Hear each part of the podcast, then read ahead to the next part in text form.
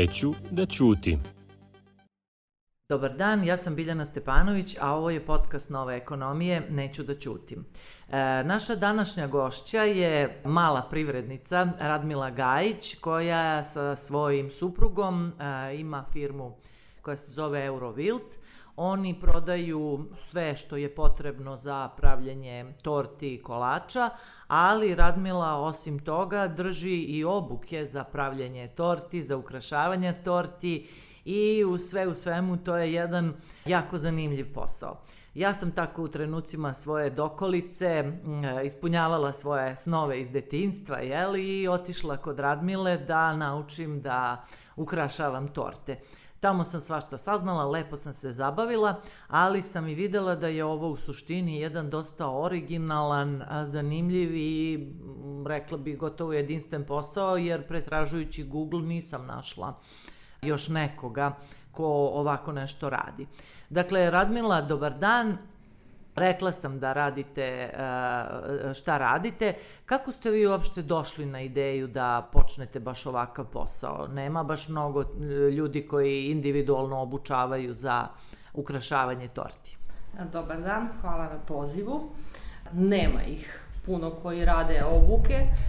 Na ideju je došla moja sestra, ona je volela da radi torte i onda me zvala stalno da joj pomognem da radimo torte i ja sam to mislila dođem nešto tu, prošetam po kući, operem neki sudić i to je to. U stvari ispostavilo se da sam ja radila dekoracije, ona iznese neke male figurice i kaže ja želim da ovo izgleda ovako.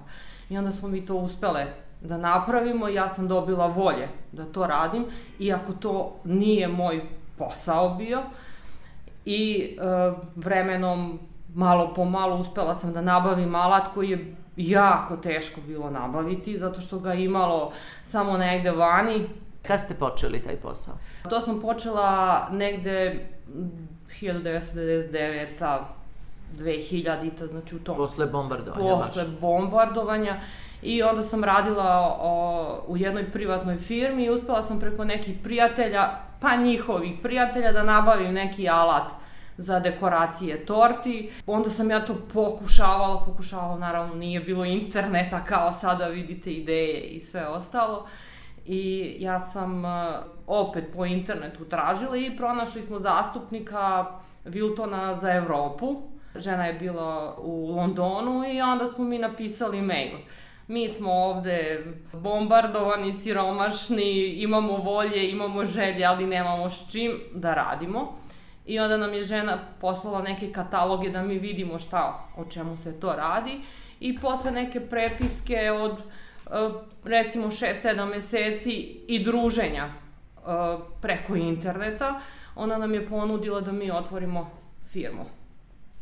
I naravno, mi jadni, bedni, novca nemamo, novac smo pozajmili i uspeli smo ne od nule nego od minusa da napravimo nešto. A šta ste vi originalno po zanimanju, šta ste radili pre toga, do 99.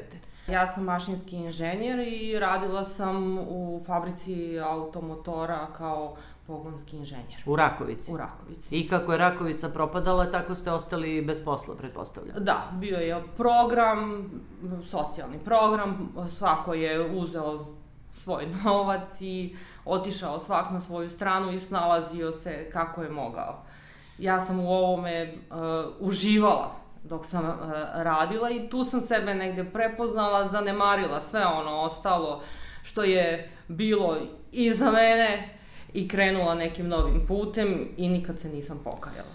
E i onda nas je sačekala korona i sad vi prodajete e, znanje za pravljenje torti, prodajete materijal za torte, međutim šta? To je za venčanja kojih ima, ali znatno manje i pretpostavljam za možda mm, ljude koji drže poslastičarnice i restorane, a oni su takođe najviše na udaru. Kako sad vi uopšte radite? Kako se ovo na vaš biznis odražava? Vrlo teško. Trenutna je situacija uh, mnogo teška. Uh, mi smo povezani sa ljudima koji imaju restorane, koji se bave organizacijom svadbi, proslava, rođendana, igraonice.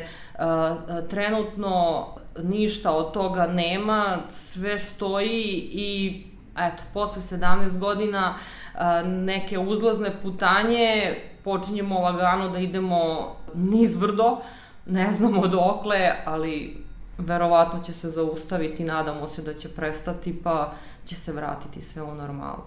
A dobro, dok ide nizbrdo, a mi ne znamo, niko ne zna na svetu, pa ni mi dokle će to da ide, šta vi radite? Jel imate neki rezervni plan? Jel uh, nešto pokušavate na drugi način ili prosto čekate da preživite pa da ovo prođe pa da nastavite? Šta vam je uopšte sad plan, na primjer, za iduću godinu ako računamo da smo ovu nekako pregurali? Pa recimo, planova tu uvek postoji rezervnih planova postoji isto kao što postoje neke opcije od ranije otvoriti ovo, početi ovo, svašta nešto može da se radi. U principu mi smo mnogo strpljivi pa računamo proći će. Eventualno ako ne prođe, verovatno ćemo se ili preorijentisati na nešto drugo, zato što uh, prosto povezani smo sa mnogo ljudi i u principu svakakvih tu sporednih kanala ima u koje može da se zaplovi i da se ponovo dignemo na površinu. Pa zapravo to možemo da kažemo imate samopouzdanja kad ste jednom krenuli, što kažete, ne od nule nego od minusa, da možete ponovo, ali opet s druge strane prošlo je 17 godina, nisu to više, nije to više ta mladost, a osim toga nešto ste i stvorili. Jel imate problem da počnete iz početka sad nešto ili kažete ma ne, ja ću da plivam dalje? Nikada nismo imali problem da krenemo iz početka nikada nismo imali problem. Ja potičem iz seoske porodice u kojoj se radilo sve i nije bilo ni muških ni ženskih poslova, tako da smo naučeni da se snalazimo u životu. E, ništa mi nije teško i jednostavno ne plašim se ničega. Pa taman do toga da sutra i u gradu na pijaci prodajem nešto, znam da ću se snaći i da ću uspeti da da i od toga napravim nešto. Evo, ovo je dobro čuti zato što mnogo ljudi se plaši da krene i prvi put, a naročito kad već dođu u neke godine 40. 50. da, da počinju. Nekako mi se ovo što ste rekli čini kao, ne znam, motivacija, tipa počnite ljudi, sigurno postoji nešto što znate da radite, što može se, da se proda. Uvek može nešto da se pronađe i uvek može, samo treba puno strpljenja i volje. Kada smo počinjali i ovaj posao, Uh, mnogo rada, mnogo odricanja, sedam godina bez godišnjeg odmora, sedam godina bez slobodnog dana, jako puno energije uloženo i isplatilo se. Pa sad mnogi privatnici znaju da stvarno nemaju odmora, ni slobodnog dana, ni slobodnog sata, razmišljaju i danju i noću o tom svom poslu, ali i mnoge ljude i uplašite kad kažete sedam godina bez godišnjeg odmora, je to baš neophodno bilo? Da bi se uspelo, da. Svo to vreme koje morate da isplanirate, isplanirate šta ćete raditi za vreme tih 8 sati dok ste na poslu, a onda kad stavite ključ u vrata, onda idu dalje planovi. Odakle nabaviti robu, kako je nabaviti, prosto e, teška je situacija, e, roba stiže uglavnom iz inostranstva. Mi ovde, nažalost, još uvek nemamo proizvođače tih nekih alata za, za poslastičare i prosto je jako teško ovde opstati. Nije to dovoljan broj alatki da bi se zadovoljilo tržište. Od običnih podloga tacni na koje se stavljaju torte, e, materijala e, od kojih se rade torte, e, svadbenih ukrasa, vrhova, plastičnih alata, metalnih alata, sve to stiže iz inostranstva i prosto kad stavite ključ u vrata, onda razmišljate o tome kako da nabavite. Ujutru ponovo otvarate vrata i razmišljate kome ćete da prodate. I pa tako da. ide u krug. Ali u suštini to su skroz jednostavni alati. Nije to nikakva svemirska tehnologija. E, prosto je neverovatno kako kod nas ljudi to e, nisu uzeli da proizvode, jer ne verujem da ne mogu da proizvode, nego vi treba da uvezete, znači, i da e, se bavite spoljnotrgovinskim prometom i da onda čekate sad zbog korone otežani transport i carinu i čuda Božje zašto mislite da ovde to niko nije uzeo da proizvodi? Jel nema potražnje dovoljno ili o čemu se radi? Ima potražnje, ali je prosto problem kod naših ljudi kad prave i organizuju neka slavlja. To, u stvari to je bilo recimo do re, pre nekih 5-10 godina, kad organizuju neka slavlja, uh, otprilike je bilo, jel treba uh, dva praseta, donesi tri. Jel treba piva toliko, ponesi još toliko. Jel treba torta? Ma nađi neko ko će to tamo da napravi. I prosto to nije bilo toliko bitno i onda sve novije tehnologije ljudima je bilo dostupno da vide kako te torte izgledaju tamo negde vani kome je dostupan taj alat i onda su naravno i ljudi poželeli kod nas da imaju tako lepe torte. Ali je problem bilo što ljudi, niko nije ovde pravio alat. I onda sav taj alat stiže iz inostranstva baš zbog toga što vrlo malo ljudi ovde se usudi da pravi te alatke. Pa šta se usudi, to je jednostavno, ne može biti jednostavnije, špricevi za torte, ne znam, ovo za glačanje fondana, to su jednostavne stvari, nego možda se prosto niko nije setio ili misle da nemaju tržište. Kako vam se čini? Pa, tržište je naše zaista malo. Mi kad smo počinjali da radimo, imali smo tržište stare Jugoslavije i sve te ženice su dolazile kod nas da kupe, mnogo im je lakše bilo da dođu kod nas nego da izađu negde vani. Pritom Nemačka i dan danas je u malim cipelicama što se tiče dekoracija i, i, i svih tih poslastičarskih usluga. Tako da je bilo jako teško u okruženju i nabaviti alat. I onda su te ženice dolazile kod nas i kupovale su alate da bi dekorisale torte. E, kasnije su one uspevale, recimo, da nabave preko nekog prijatelja, opet od nekoga ko dolazi iz Amerike, ko dolazi iz Engleske, uglavnom su to neka područja gde oni idu daleko ispred nas. To smo se i uverili odlazeći na sajmove u Englesku, kad uđete u jednu salu u kojoj ima 200 svadbenih torte i vi kažete, uh, svaka je prvo mesto. svaka je prvo mesto. da. Onda vidite koliko vi idete iza njih. A gde ste se vi usavršavali? Dosta toga sam uh, tih obuka odradila u Engleskoj u Londonu, u Manchesteru, u Birminghamu, uglavnom kad organizuju te neke velike manifestacije, ti njihovi najbolji majstori drže obuke i onda morate se unapred prijaviti za tu obuku, rezervisati ulaznicu, sve to mora unapred da se tačno definiše i onda put pod noge A vi imate dobar biznis model. S jedne strane imate prodavnicu u kojoj prodajete svu tu opremu, a sa druge strane držite obuke i obučavate poslastičare, a i entuzijaste o, kako će da koriste taj materijal i normalno gde će oni da dođu, nego će da dođu kod vas da kupe. Tako, Tako da to, to je ukršteno, meni se to nekako svidelo. Je li vam to od početka bio model ili ste u, naknadno došli na tu ideju? To, to je engleski model. Znači to kad smo otišli tamo, znači tamo nisu bile samo obuke da ja naučim kako da radim, nego je bilo uopšte obuka kako obučavati nekoga pored sebe. I onda e, to su njihovi modeli, oni su to prosto u cilju uh, da bi pokazali ljudima kako da iskoriste njihov alat, oni su otvarali radionice i tako pokazivali šta može da se odradi sa nekim alatom, a onda su ljudi naravno ko je kreativan odrađivao još svašta nešto sa tim alatom i to je to. A kažete mi, molim vas, e, država je dala pomoć za e, svakog zaposlenog prvo po 30.000, 3 meseca, pa 18.000 2 meseca. Predsednik države je rekao da je čuk prazan i da dalje ne možemo da očekujemo neku drugu pomoć. Mi smo ovde razgovarali sa predstavnikom udruženja organizatora događaja koji kaže da je ta industrija sada naravno zbog korone mrtva i bit će mrtva ako država ne pomogne.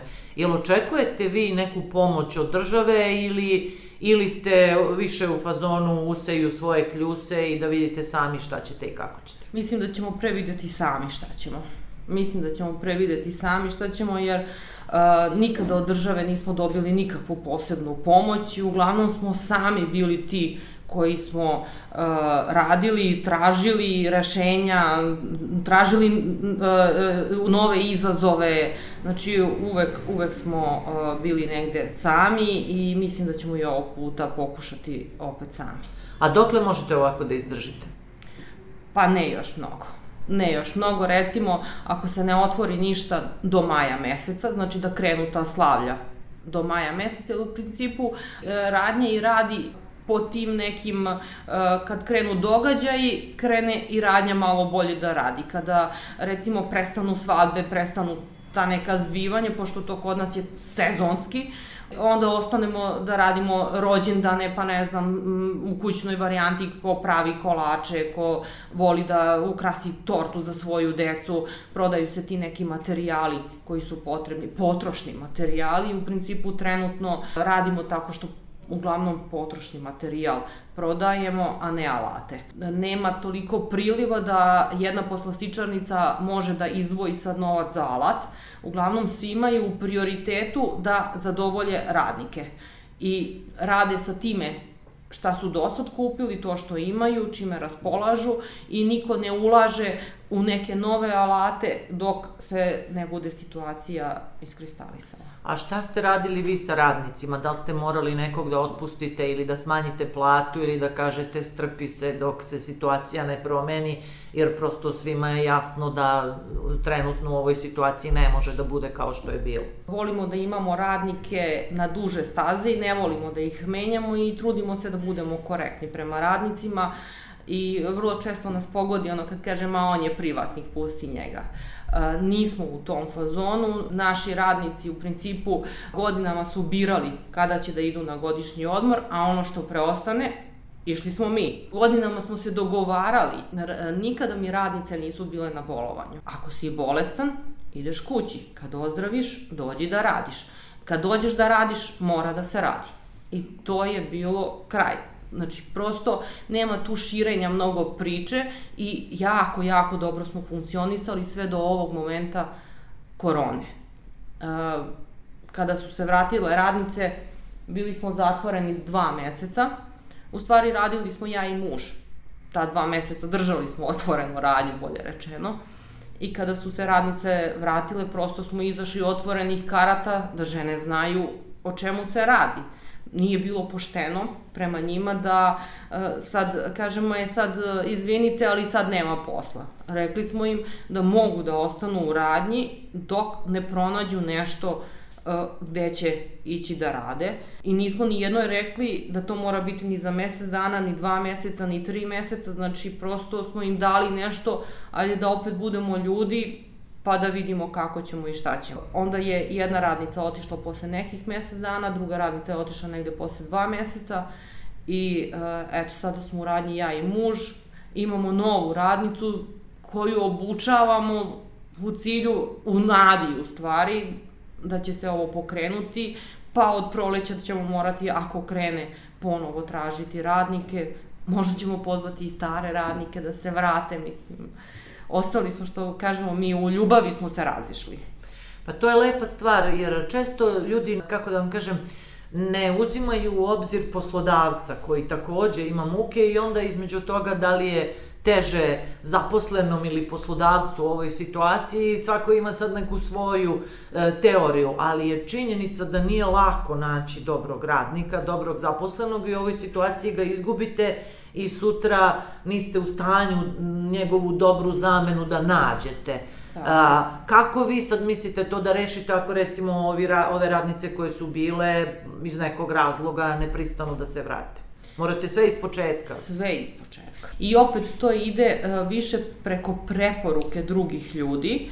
Uh, imam prijatelja, pa on je ostao bez posla, prijateljica, može da radi to, da pokuša da radi to. U principu jako je teško pronaći kvalitetnog radnika. A što je jako teško? Šta je teško naći? Prosto u današnje vreme vani se zarađuje mnogo više i onda um, mnogo je teško objasniti ljudima da prosto ja ne mogu da dam platu koju nisam zaradila. I jako je teško organizovati ceo taj proces do kraja, da bi se tu zaradilo neka suma novca, da bi vi njema dala, da, da bi dali im uh, 700-800 eura platu trgovca ili 1000 eura. Znači, plate trgovačke su mnogo male i prosto svako ide tim uh, razmišljanjem i rezonom, pa za toliko novca ja mu dam toliko i to je to. Tako A da... šta vi očekujete recimo, ali očekujete nešto, uh, već sam vas pitala da li očekujete neku pomoć od države, rekli ste ne, ali šta bi to recimo bilo kad bi bilo moguće što bi vama a, eventualno koristilo kao pomoć, da li, da li neko smanjenje poreza, da li bilo šta što bi recimo vi preporučili vladi sledećoj novoj da uradi da pomogne silnim malim privrednicima kao što ste i vi? Bar oslobađanje tog dela poreza. Svako od nas će, ko je zadovoljan sa svojim radnikom, da namiri ta dugovanja, plate, prevoz. Kada bi se bar na neki period umanjila porez, kada bi se... Niste na poreze i doprinose za je, zaposlene? Jeste, poreze i doprinose za, za zaposlene. Ili odložili? Pa u principu i odložili.